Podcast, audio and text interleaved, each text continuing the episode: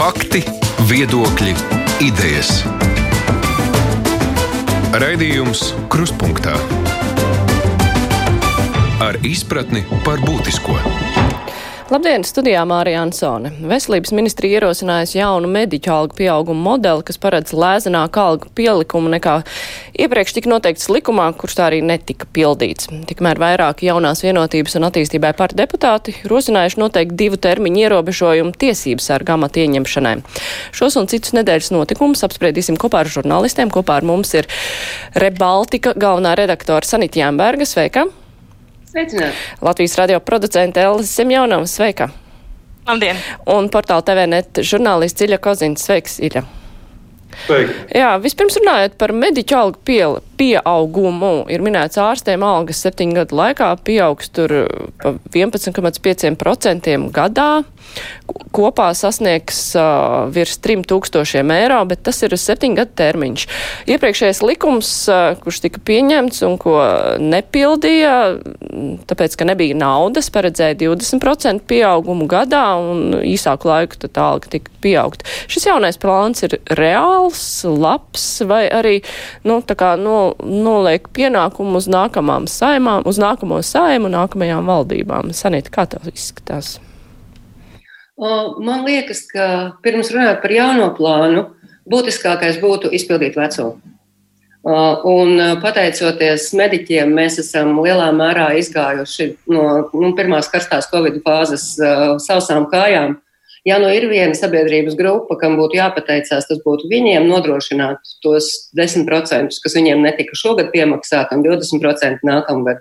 Un tā, manuprāt, būtu vienkārši goda lieta vispirms izpildīt šo, un pēc tam ķerties pie, pie sarunām par nākamo periodu plānu.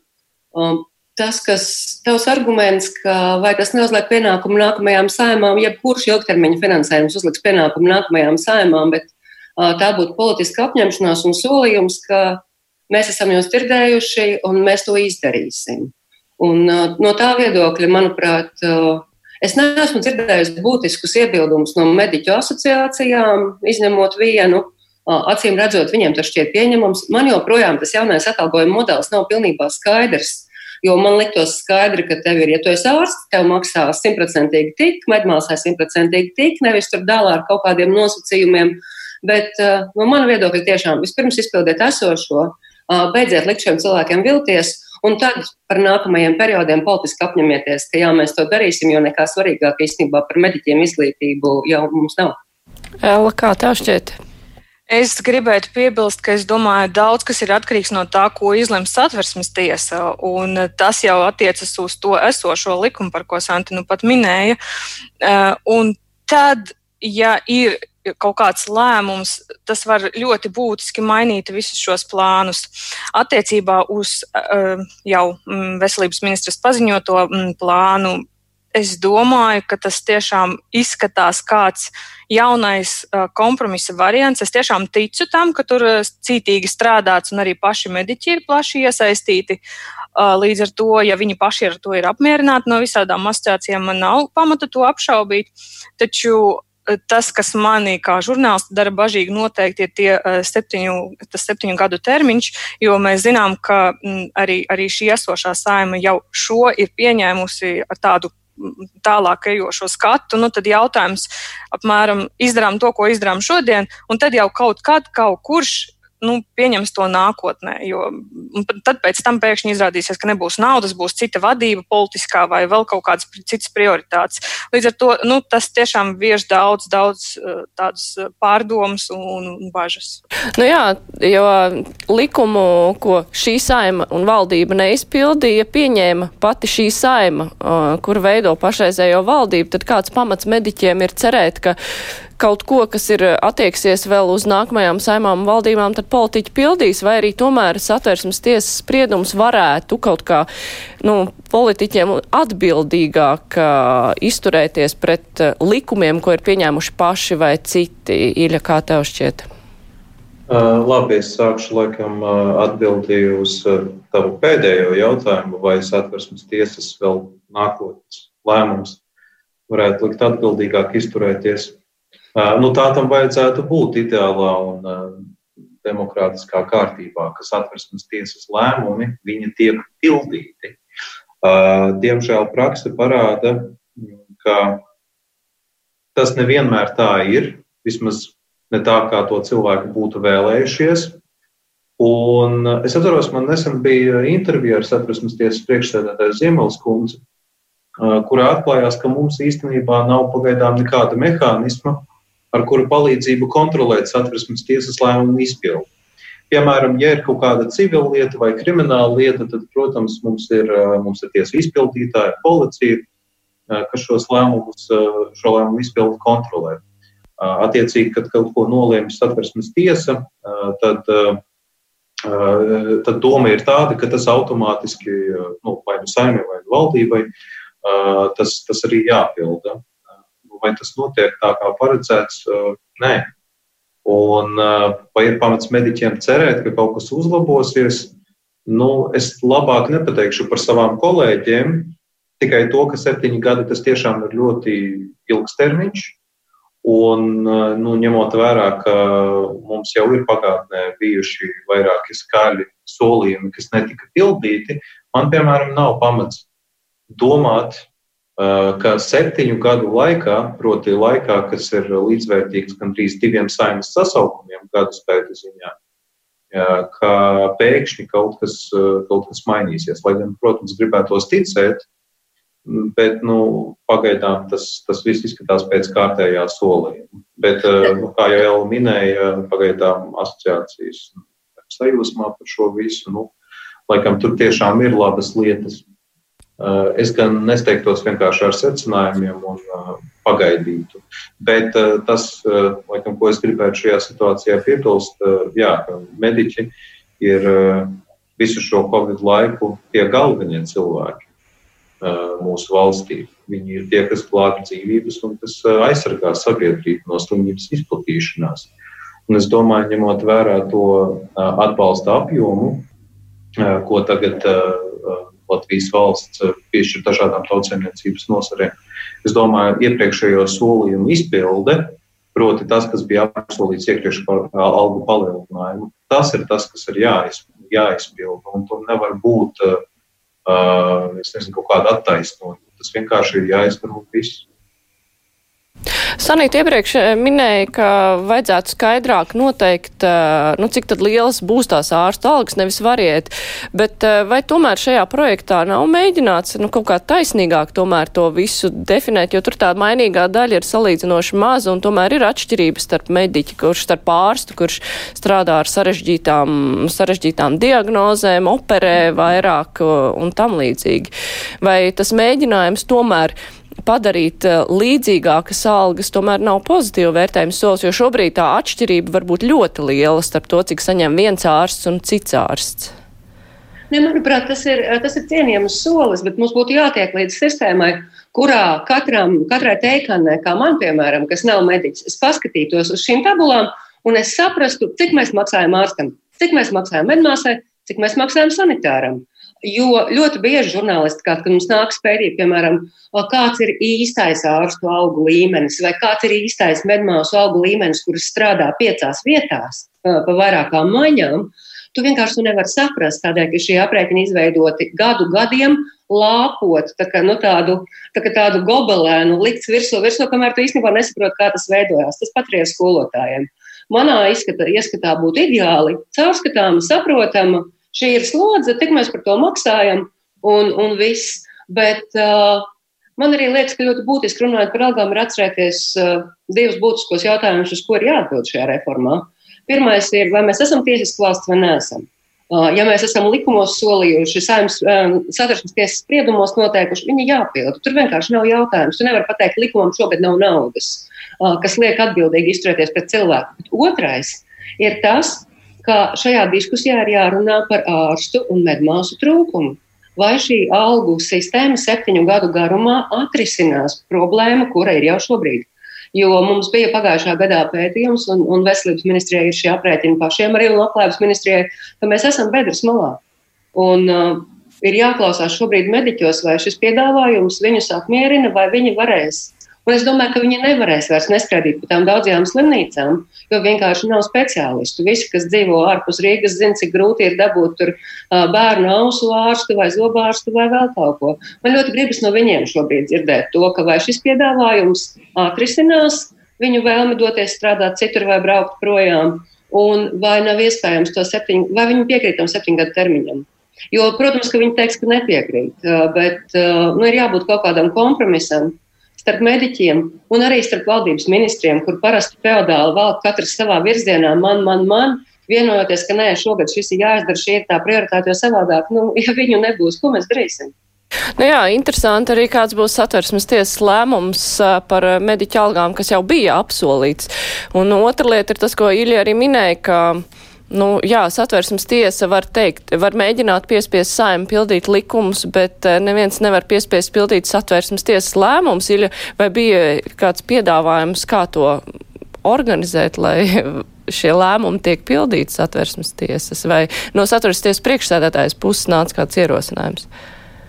Ziniet, protams, man uh, radās tieši šāds jautājums, uz ko uh, es Es tagad negribu sameloties, tāpēc tas, ko es tagad pateikšu, tas nav nekādā ziņā precīzi citāts.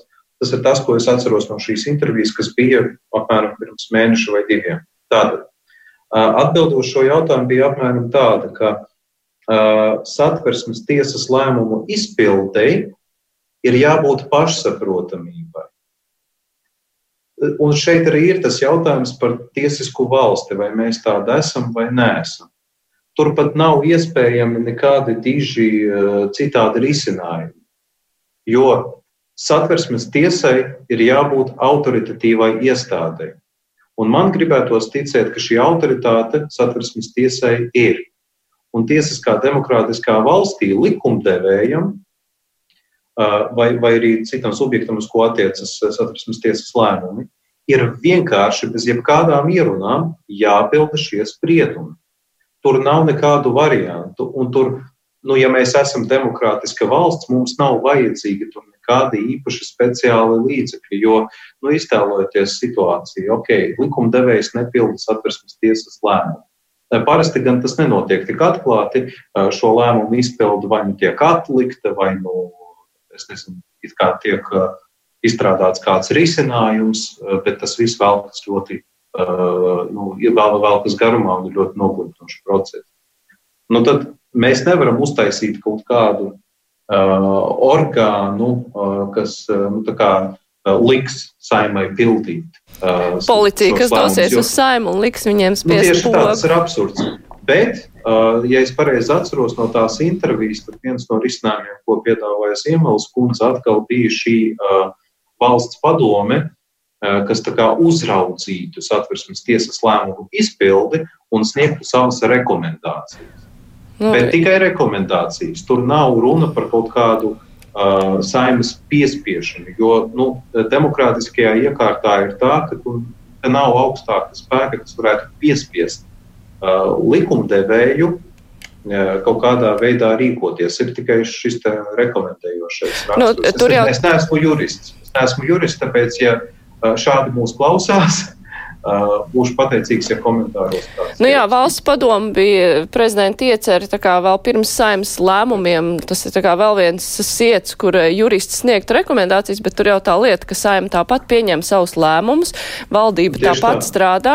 Un mums jau ir satversmes tiesas spriedums par GMI, kur satversmes tiesa ļoti skaidri pateica, ka tur nepietiks ar to, ka šo te garantēto minimālo ienākumu mehāniski palielinās, bet tieši ar to šķiet valdība valdība arī sāka jau nodarboties. Un tas lēmums vēl nav pieņemts, bet nu, tās bija tās pirmās reakcijas. Tad jautājums, ja ir satversmes tiesas spriedums, cik kvalitatīvi valdība un cik precīzi un atbilstoši šim te lēmuma garam tas arī tiek pildīts.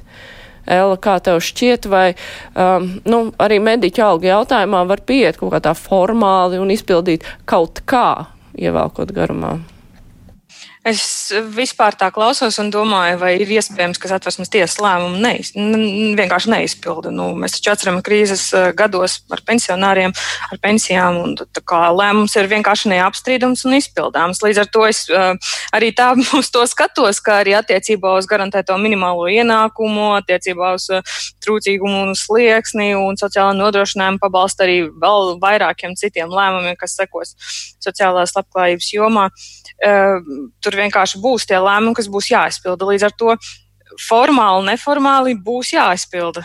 Tā kā attiecībā uz mediķu algām es pat nevaru iedomāties, kas ir neformāli.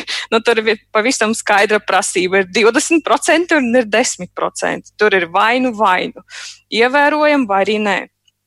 Līdz ar to tas būtu tāds, nu, manā izpratnē vispār nepieļaujamais kaut kāds uh, gājiens uh, no, no politiķu puses. Tā, nu jā, tādā bet, veidā neizpildīt. Nu jā, un tur arī vēl, protams, jāgaida šis satversmes tiesas spriedums. Mēs vēl runājam par nenoķertu zaķi dalīšanu vai kā tur bija. Es atgādināšu klausītājiem Latvijas televīzijas skatītājiem, ka šodien mūsu diskusijā piedalās Elsa Semjona, Latvijas radio producente, Baltijas pētnieciskā žurnālistikas centra Rebaltika vadītāja Sanita Jemberga un Īļa Kozins, portāla TVNet žurnālists. Raidījums Krustpunktā. Zināmā mērā saistīts ar mūsu iepriekš apspriesto jautājumu ir jautājums par tiesības sarga pilnvaru termiņu reizēm, cik daudz vienu cilvēku var ievēlēt šajā amatā. Um, nu, pat bija šie satversmes tiesas lēmumi, kas saistās ar GMI un trūcīgas personas status iegūšanu, un arī mediķa algām būs vēl lēmums, autors šīm iniciatīvām, kāpēc satversmes tiesas to skatījās, bija tiesības sargs Juris Jansons. Daudz ir pamanījuši, ka, nu, laikā sakrīt ierosinājums no attīstībai par un uh, jaunās vienotības uh, dažu deputātu puses ierobežot tiesības sarga pilnvaru termiņu reizes. Vai šīs lietas ir saistāmas vai nav?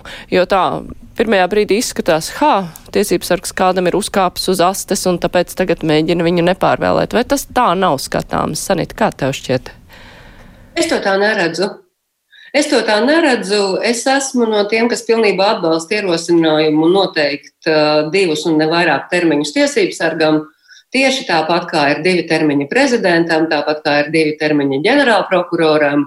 Uh, es neredzu, kādēļ to nedarīt, jo cilvēki aizsēžās savos amatos, man nav pretenzija pret Juriju Jansonu. Es domāju, ka Juris Jansons mums ir pārsteidzis, ka vismaz otrajā termiņā, kā negaidīt labs tiesības sargs no kura pat neviens to negaidīja, bet tas viņam nedod garantētu iespēju būt šim tiesības sargam līdz mūža galam. Kāpēc es esmu ļoti par ierobežojumiem? Ir iemesls, kādēļ man ļoti nepatīk uzturēties Latvijas Republikas parlamentā. Jo es esmu šajā profesijā tik ilgi, ka nu, to aizēju, tu redzi, kā nomainās viens, otrs, trešais. Un atsevišķās frakcijās tev ir tie paši deputāti, kuriem vienkārši nomainās uzvalki, jo ar vien dārgākiem. Tu gribi teikt, ka ir jāierobežo termiņš arī deputātiem? Es, bū, es esmu šajā ziņā diezgan liels ekstrēmists. Es teiktu, ka jā. Uh, jo cilvēkiem, nu, ko normāli privātajā sektorā, ik pa laikam tu maini darbu, lai tu neaizsēdies. Un tev ir tā institucionālā atmiņa, protams, un zināšanas, bet tu māra labi zini, ka aizejot uz sēmu un runājot ar tiem, kuri tur ir trešo, ceturto sasaukumu, tur jau ir tāds cinisms, tāda apbružātība, tāda īsti problēmas nejūšana, tāda kalkulēšana, kurš ar kuru un vēl kaut ko. Nu, man tas nepatīk, ne ir pieņemami, bet es domāju, ka man daudz būtu pret par saimnes deputātu termiņu ierobežošanu, jo nu, tautai ir iespēja izvēlēties savus priekšstāvis kaut simtreiz. Ja Tajā pašā laikā valstīs, kur ir tauts vēlēts prezidents, tā tāpat tiek ierobežot eh, prezidenta ievēlēšana uz termiņu skaitu. Un pat ne tikai ar tautas vēlētu prezidentu, arī mums, un es atceros, kā liela daļa vairs Vītas Freibergas fanu raudāja, ka viņai bija jāiet projām. Bet likums ir likums un ir savs iemesls, kādēļ tie ir tie divi termiņi. Tāpēc es teiktu, arī tiesības ar gadījumā ļoti sakrīgs ierosinājums. Uh, Juris Jansons, uh, es domāju, ka viņš ir bijis tik labs tiesības sargs, ka ka viņam droši vien, un arī nu, tādā tīri godīgas spēles dēļ, noteiks pārējais laiku. Nu, ka, piemēram, šajā reizē vēl Jansons var kandidēt, bet nākamajā nevar. Tas būtu normāls, normāls risinājums, kur neviens viņam, viņa ieskatā neatrieptos par padarīto, bet tajā pašā laikā tiktu ieviests normāls ierobežojums. Un, un uz priekšu. Es, es neredzu tur problēmu. Es, protams, saprotu Jansonu kungu, ka tas nav patīkami, bet uh, šis amats ir lielāks nekā Jansona kungs, un uh, loģika tur ir pilnīgi skaidra. Mm -hmm. Kā pārējiem šķiet par abiem šiem ierosinājumiem, gan par tiesības sargu, gan arī paplašināt to, piemēram, uz deputātiem Ēla? Jā, nu, tiesa gan attiecībā uz deputātiem. Man pašai bija tāds um, nu, analoģija prātā radusies, bet tieši no otras puses, nu, ka tas nebūtu labi, ja mēs arī varētu arī, arī viņam ieteikt kaut kādu ierobežojumu. Jo tomēr es vispār esmu laikam bišķiņ tā kā ar dalītām jūtām uz to visu skatos, jo es arī neuzskatu, ka ja cilvēks ir tiešām labs, ja viņš ir tiešām gudrs, nu tad, uh, nu, kāpēc viņš nevar būt ilgāk kādā amatā? Es, es tiešām neredzu tik ļoti lielu problēmu. Mm, vienkārši nomainīt, nu, nomainīšanas pēc. Uh, jā, protams, ir iesēdēšanās risks un, un, un tādas problēmas saistītās, bet attiecībā uz tiesību sargu kopumā un šo priekšlikumu mani pārsteidza, ka tomēr, nu, Es drīzāk to kritiski vērtēju. Es uzskatu, ka ir jābūt, nu, ja mēs runājam, ka mūsu mums nepatīk, ka ir amatpersonas, kas uh, ilgi sēž, nu, tad runājam par visiem. Nerunājam tikai par tiesību sargu. Nu, runājam, ka tā kā JKP ierosina visus, tad lūdzu divi termiņi visiem. Nu, kaut kā tā, kāpēc mēs pēkšņi pēc visiem tiem, nu, es tur redzu, jā, zinām, kaut kādu korelāciju, jo līdz, tem, līdz brīdim, kamēr tiesības sargs kaut ko tur stāstīja, secināja par tādiem, nu, nepatīkamiem varbūt koalīcijai un valdībai eh, elementiem, parādībām, nu, tas bija labi vai paciešami, bet brīdī, jo tur rakstīja taču vēstules, atbildes vēstules vienam, otram, trešajam. Nu, viņš, viņš nevar mm, kā, pārmest viņam aktivitātes trūkumu. Bet brīdī tikai, kad, kad ir tiesas lēmums un kad tiešām ir jāmeklē reāli tā nauda. Un ka tiešām nepietiek viena ar atrakstīšanos, lai saprastu, ka vajag mainīt metodoloģiju, kādā veidā tiek aprēķināts, eh, kurš ir trūcīgs, kurš nav.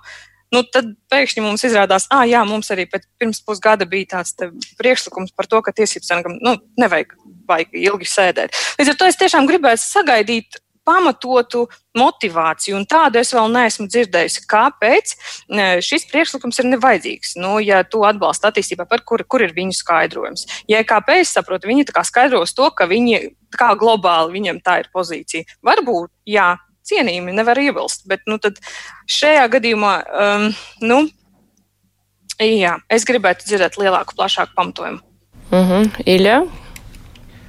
Jā, es piekritīšu. Es arī esmu viens no tiem, kas uh, gribētu dzirdēt nopietnākus argumentus. Pagaidām tas, ko es uh, esmu izlasījis nu, tur izskan uh, kaut kādi argumenti par, uh, katru, par to, ka katru mainību esot nepieciešama šajos augstajos amatos. Uh, jo ja politikā jābūt eh, ik pa laikam jāparādās eh, jauniem cilvēkiem, arī tiesību sargām un vispārējais. Bet uh, šī ir tāda veca dziesma. Tas, tas ir ļoti tāds ērts arguments, ko attiecībā, ko var piesaukt attiecībā pilnīgi uz visām amatpersonām.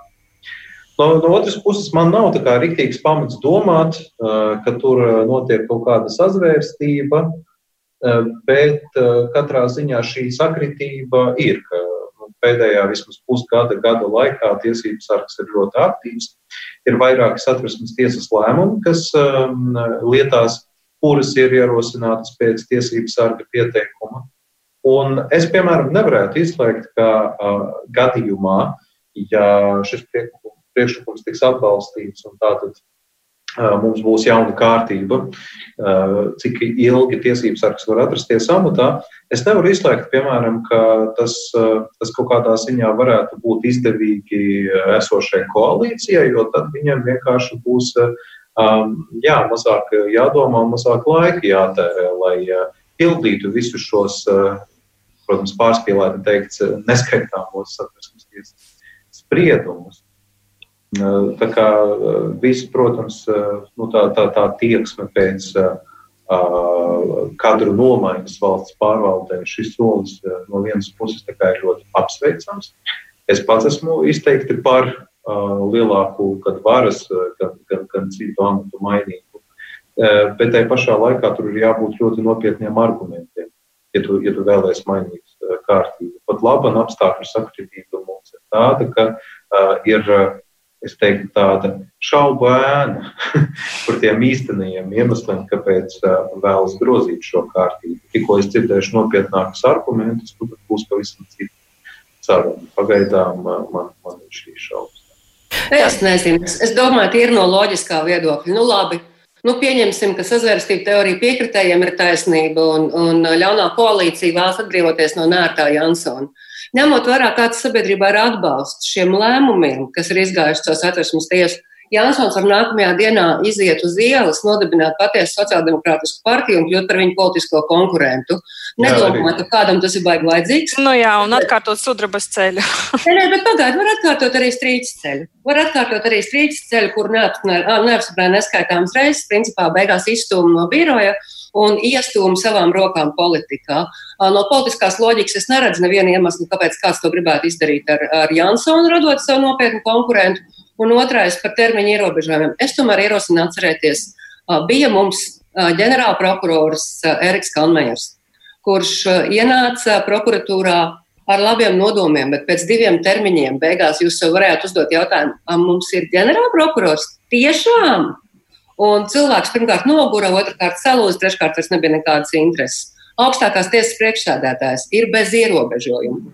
Vai kāds būtu gribējis Bičkoviču kungu redzēt tur mūžīgi? Es ārkārtīgi šaubos. Līdz ar to viņi paši savā vidē nolēma izvirzīt jaunu kandidātu. Nu, tur ir absolūta loģika, kāpēc cilvēks nevar būt uh, vienā vietā mūžīgi. Tāpēc, ja Jansonam tiek dota pietiekami, nu, ja viņam tiek dot iespēja kandidēt, ņemot vērā, ka tas notiek viņa termiņa laikā, un to parasti attiecina tomēr uz nākamo kadenci, nevis uz kaut kādu esošo, neredzu nekādu problēmu. Ja viņš, nu, un arguments, ka saimē tāpat ir jāvienojās, saimē tāpat būs jāvienojās arī par nākamo. Tas nav. Nu, tas nav Bet es arī neredzu iemeslu, kāpēc to nevar izdarīt tagad. Nu, nomainīt eh, kādu vadītāju iestādēji. To var darīt. Termiņš beidzies, mainiet. Un kāpēc viņš obligāti... beidzies? Viņam, nu, viņam neviens negrib mainīt. Termiņš beidzās uh, martā, un, un īstenībā nevar nomainīt. Tu būtu gribējis nomainīt ģenerālprokuroru bez viņa piekrišanas. Tā Ella droši vien runāja, Ella runāja par termiņu neierobežošanu, kas neliedz savukārt eh, vēlēt jaunu citu, nu, citu cilvēku. Bet Arī es no savas puses uh, gribēju piebilst, ka tā kā te tika minēts, ka pietrūkst argumentācijas, kāpēc šāds lēmums ir tapis. Es ceru, ka lielāku skaidrību viesīs mūsu nākamās nedēļas otrdienas raidījums kruspunktā. Mēs runāsim par šo tematu. Tur būs arī kāds no iesniedzēju pārstāvjiem, kurš varēs argumentēt, kāpēc ir šāds ierosinājums. Tā kā cerams, ka skaidrības vairāk būs. Mums vēl palikuši desmit minūtes sarunai. Gribēju vēl paspēt runāt arī par Covid tematu. Redz, kā mums tas aizskrēs pavisam uz beigām raidījumam, bet eh, nu, tas, kas satrauca cilvēku šonadēļ, bija viestrādnieku saslimšana, viestrādnieki no Uzbekistānas.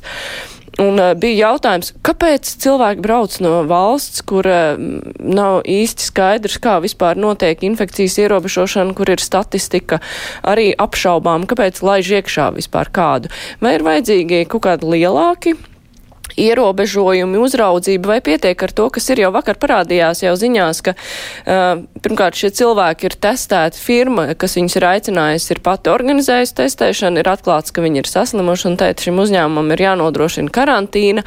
Nu, vai tas viss tiek pietiekami kontrolēts, vai tomēr ir vajadzīgs kaut kas vairāk? Iļa, kā tev šķiet? pats tavs jautājums ir tāds, eh, tāds, tāds interesants, atgādina kaut kādas Orwell noskaņas. Es, es Kādā ziņā? Ka, nu, tādā ziņā, ka pat, pat epi, epidemioloģiskos īpašos apstākļos, nu, tur jānoliedzami kontrolē ir jābūt, kādu tiek veikti šobrīd. Bet es tomēr esmu tāds cilvēks, kurš uzskata, ka valstī pēc iespējas mazāk būtu jāpiedalās uh, katrā dzīvē personīgi. Ja, ja nu, situācija to atļauj. Un, manuprāt, šajā gadījumā situācija to atļauj. Jo vienīgais, kas būtu jādara, lai pēc iespējas izslēgtu šādus gadījumus ar, ar, ar tiem uzbeku sasniegšiem strādniekiem, ir vienkārši uzlabot informācijas apmaiņu starp valstu robežu dienestiem un attiecīgajām citām iestādēm. Uh, nu, es, es nedomāju, ka tur tagad ir papildus kaut kādi īpaši jauni pasākumi jāizdomā. Vienkārši mums jau ir šie pasākumi, tie ir jāuzlabo. Tas arī ir viss. Ella, kā tev šķiet? Jā, es varbūt šajā jautājumā mm, uzskatu tā, ka te nevajadzētu, nu, mēs kaut kā atsevišķu grupu izceļam. Nu, proti, mhm. tad, ja mēs runā, runājam par viesmāksliniekiem, tad viss ir kārtībā. Lai viņi brauc no jebkurām valstīm, opera ir atbildīga, viss ir kārtībā. Tāpēc, ja mēs runājam par viestrādniekiem, nu, tad ir liela problēma. Nu, tad lūdzu ar pātagu pie robežas. Es domāju, nu, līdzīgi principi ir jā, jābūt nu, pret visiem. Nu, kurš iebrauc mūsu valstī no kaut kādām valstīm, kur ir augstākas saslimšanas, eh, saslimšanas riski, nu, tad tur arī lūdzu kontrolējiet visus. Arī tāpat ir jāatbild eh, darba devējam. Ja tur pietrūkst tā kontrole, tad ir jārunā par, par šo problēmu kā tādu. Un jā, es esmu par to, ka testē visus uh, divreiz. Nu, cits jautājums, kā, kā viss tas atspoguļojas, protams, atstāja iespaidu uz uh, darba devējiem, kam ir jāieved, bet ja viņi jāieved augsta riska, augstas um, specialitātes ekspertus un, un, un viņi viņiem ir vajadzīgi, nu, tad ir, nu, ir, ir jārēķinās ar to, ka tāda situācija pasaulē, ko lai dara. Hmm. Ella, šitie džeki nebija augsta līmeņa eksperti. Šitie džeki brauc ar aktu kūdru. Un tāpēc mēs viņus, viņus skatāmies citādi. Uzņēmumu vārdā nenosauktam uzņēmumam, kur vispār nav skaidrs par to, kā un kāpēc viņiem viņi bija vajadzīgi. Es, es šoreiz laikam būšu ekstrēmists. Tas, kas man nav skaidrs šajā situācijā, ir, ir piecas kategorijas viestrādnieku, kurus drīkst ievest, no kuriem pēdējā ir šie zemes kvalifikācijas pagaidu lauksaimniecības strādnieki. Viņi ir bijuši Ulmaņa Latvijā, vēsti lietuvieši, igauņi. Bez viņiem nav iztikts, bet Tā pašā laikā vakardien ir jaunie Eiropas Savienības sezonālā bezdarba dati. Latvijā ir trešais augstākais sezonālais bezdarbs - 10,3%, kas ir īstenībā liels cipars. Un tāpēc man nav ne mazākās ticības, ka šie viestrādnieki ir simtprocentīgi vajadzīgi, ka ir izdarīts viss, kas nepieciešams, lai cilvēki, kas ir uz bezdarbnieku pabalstiem, piemēram, atsakoties no trešā darba, vienkārši tos vairs nesaņemtu. Un otrais ir, man ir jāatzīstās, ka es neticu zemu līmeņa darbinieku kontrolē. Jo man nav šaubu, ka IT uzņēmumi, tie, un viņiem arī, nu, viņiem viņi atbrauc uz tādu iekārtas, vēl kaut ko un aizbrauc un strādā attālināti. Bet, ja mēs pastaigājam par Rīgas būvlaukumiem, mēs dzirdam pamatā Ukraiņus. Ja mēs pastaigājam pa dažām Rīgas kafetērijām, mēs redzēsim, ka tur strādā pamatā uzbeku studenti, un viņi ļoti bieži strādā pilnīgi melnā ekonomikā. Līdz ar to man nav ne, mazākā, nu, ne mazākās ticības, ka ievedot šos cilvēkus, tiks izpildīti visi nosacījumi, un viņi vienkārši nenozudīs kaut kur pagrīdē. Un ja mēs paši prasam no sevis un saviem līdzcilvēkiem ļoti striktu noteikumu kontroli. Ja mēs piedraudam uzturēšanās atļauju īpašniekiem, ka, ja jūs nesāksiet ievērot noteikumus, mēs jums viņus atņemsim, es neredzu, ka nu, ar tādu pašu bardzību tiktu, un, un atklātību tiktu vērsts pret pret zemes kvalifikācijas darbinieku ieviešanu, jo risks tajās valstīs ir nenoliedzams. Es pirms pāris nedēļām beidzu vadīt uh, attālināt apmācības Vidusāzijas žurnālistiem, pedagogiem un tā tālāk, kur pēdējā nedēļā viņi teica, atvainojiet, mums ir bārdaks, mums ir atjaunot ārkārtas situācija Kirgistāna, Kazahstāna, mums slimnīcas netiek galā, mums ir izpirkts visas zāles. Mēs te sēžam savā dieva ausī un domājam par savām melenēm, bet tas risks, manuprāt, ir reāls ievests. Un es piekrītu, ka es neesmu epidemiologs, un viņi saka, ir ok, tas ir kontrolējams, bet man nav iekšējas pārliecības par to, ka zemo, zemo darbu spēku izkontrolēs un ka pret viņiem izturās godīgi un ka pret mūsu pašu bezdarbniekiem tiek izdarīts viss, lai viņi strādātu. Bet eh, kāds būtu, kāds būtu tavs ierosinājums vai kaut kā uzmanīgāk skatīties tieši uz valstīm, no kurām tiek ievests, jo nu, ir valstis, kur eh, tā kontrole un uzskaite ir, apš, nu, ir apšaubām, kur mēs īsti nezinām ne saslimšanas apjomu, tikai var nojaust, ka tur ir pamatīgi, bet dati arī pat nav pietiekami uzticami. Ir kaut kā jāskatās, no kurienes ieved un, um, un kaut kā vairāk jākontrolē. Kāds ir tavs ierosinājums? Nē, nu, mans ierosinājums pirmajā gadījumā būtu uh, izdarīt visu, lai nav jāievada. Uh, sava novada bezdarbnieku robežās nodarbināt visus, kam tiek izmaksāti bezdarbnieku pabalsti. Un otrais tieši uh, no valstīm, kur ir uh, virs saslimšanas rādītājiem, no kuriem mēs atzīstam par drošiem, nu, ka tur īstenībā ir pastiprinātā kontrole. Ka tur nav tā, un, un, nu, ka tur nav vienkārši, ka mums ir policija randumā, ik pa brīdim kādu pārbaudi, jo mums ir dažādas tās pieredzes. Piemēram, man draugi atbrauc no Anglijas, viņas tiešām pārbaudīja katru vakaru, vai viņi sēž. Citas kaut kādas šmaras atbrauc no Spānijas un vazājās par restorāniem. Nu, tāpēc arī man nav tās iekšējās stipības nekādas. Bet, uh, uh, es, jā, Iļa. Jā, Klau. Uh, Latvijas realitāte ir tāda, ka ārvalstu darba spēks no trešajām valstīm ir nepieciešams. Tā ir realitāte.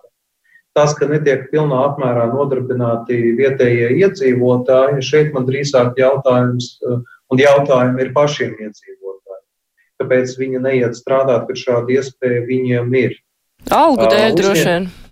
Nu kā, bet taču tu nevari ievest ne, pagai, darbinieku, tur es, arī es ir vidējs, vidēji augstāka alga. Es pabeigšu. Tur ir nianses, piemēram, pieredzēt to darbinieku polijā, un pēc tam viņš ir dodas komandā. Mm -hmm. Es nu, neieslīgšu detaļās par to. Realitāte ir tāda, ka šie cilvēki ir nepieciešami uzņēmumi, jo tā strādā ekonomika, viņiem vajag šīs darba grupas.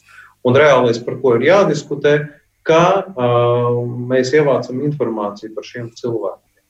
Un es šai, šai ziņā pilnīgi piekrītu Elai, ka šiem nosacījumiem jābūt pilnīgi vienādiem, gan attiecībā uz eh, šiem zemākas kvalifikācijas strādniekiem, gan arī uz, eh, attiecībā uz eh, nezinu, viesmāksliniekiem, kādiem galveniem cilvēkiem. Mēs varam te elitiski spriest, ka lūk, mums tie mazāk kvalificētie vairāk jāuzrauga, bet tas, manuprāt, izklausās mazliet netaisnīgi. Ja mēs uh, uztaisām striktus nosacījumus, tad lūdzu attiecībā uz visiem, ne tikai uz kaut kādu atsevišķu uh, izredzēto grupu. Nosacījumi jau principā visiem ir vienādi. Jautājums ir, vai tā uzraudzība notiek. Acīm redzot, tas bija tas, kas. Vienā brīdī nesaka, ka nav jāuzrauga viesmākslinieki. Uh, vienkārši viņi būs salīdzinoši daudz, daudz mazāk nekā sezonas strādnieku. Un par jautājumu, kāpēc nestrādā vietējie, ja tas ir ļoti labs jautājums, bet tas ir jautājums arī par to, cik ilgi tu tur bezdarbnieku pabalstu tu nestrādāt. Tā kā es domāju, ka tur ir vispirms sāk no šitā gala risināt un kārtīgi uzraudzīt un zināt, kurš ieveda, kur tie cilvēki atrodas, ka viņi tiešām ir notestēti gribat riskēt, tad ir uzraudzībā. Jā, es saprotu, ka šis vēl aicināt sadalīt šīs lietas. Viens ir Covid kontrole ar viestrādniekiem, un otrs, ja mēs runājam vispār par viestrādniekiem kā tādiem, jo, man liekas, Santa bišķiņa salika visu, visu vienā, vienā laidā, jo, ja mēs runājam par viestrādniekiem un, un to kontroli, vai tie vajadzīgi, nevajadzīgi, tā būtu cita uh, diskusija. Jā, es saprotu, ka šis ir plaši diskutējums jautājums. Es teikšu paldies jums, kolēģi. Mēs diskusiju turpināsim ar klausītājiem brīvajā mikrofonā. Te jau parādās bēstules arī par šo tematu. Atgādināšu, ka šodien kopā ar mums bija Baltijas pētnieciskā žurnālistikas centra Rebaltika vadītāja Sanita Jemberga, Īļa Kozins, portāla TVNet žurnālists un Ela Simjona un Latvijas radio producente. Paldies jums, bet mēs sākam brīvo mikrofonu.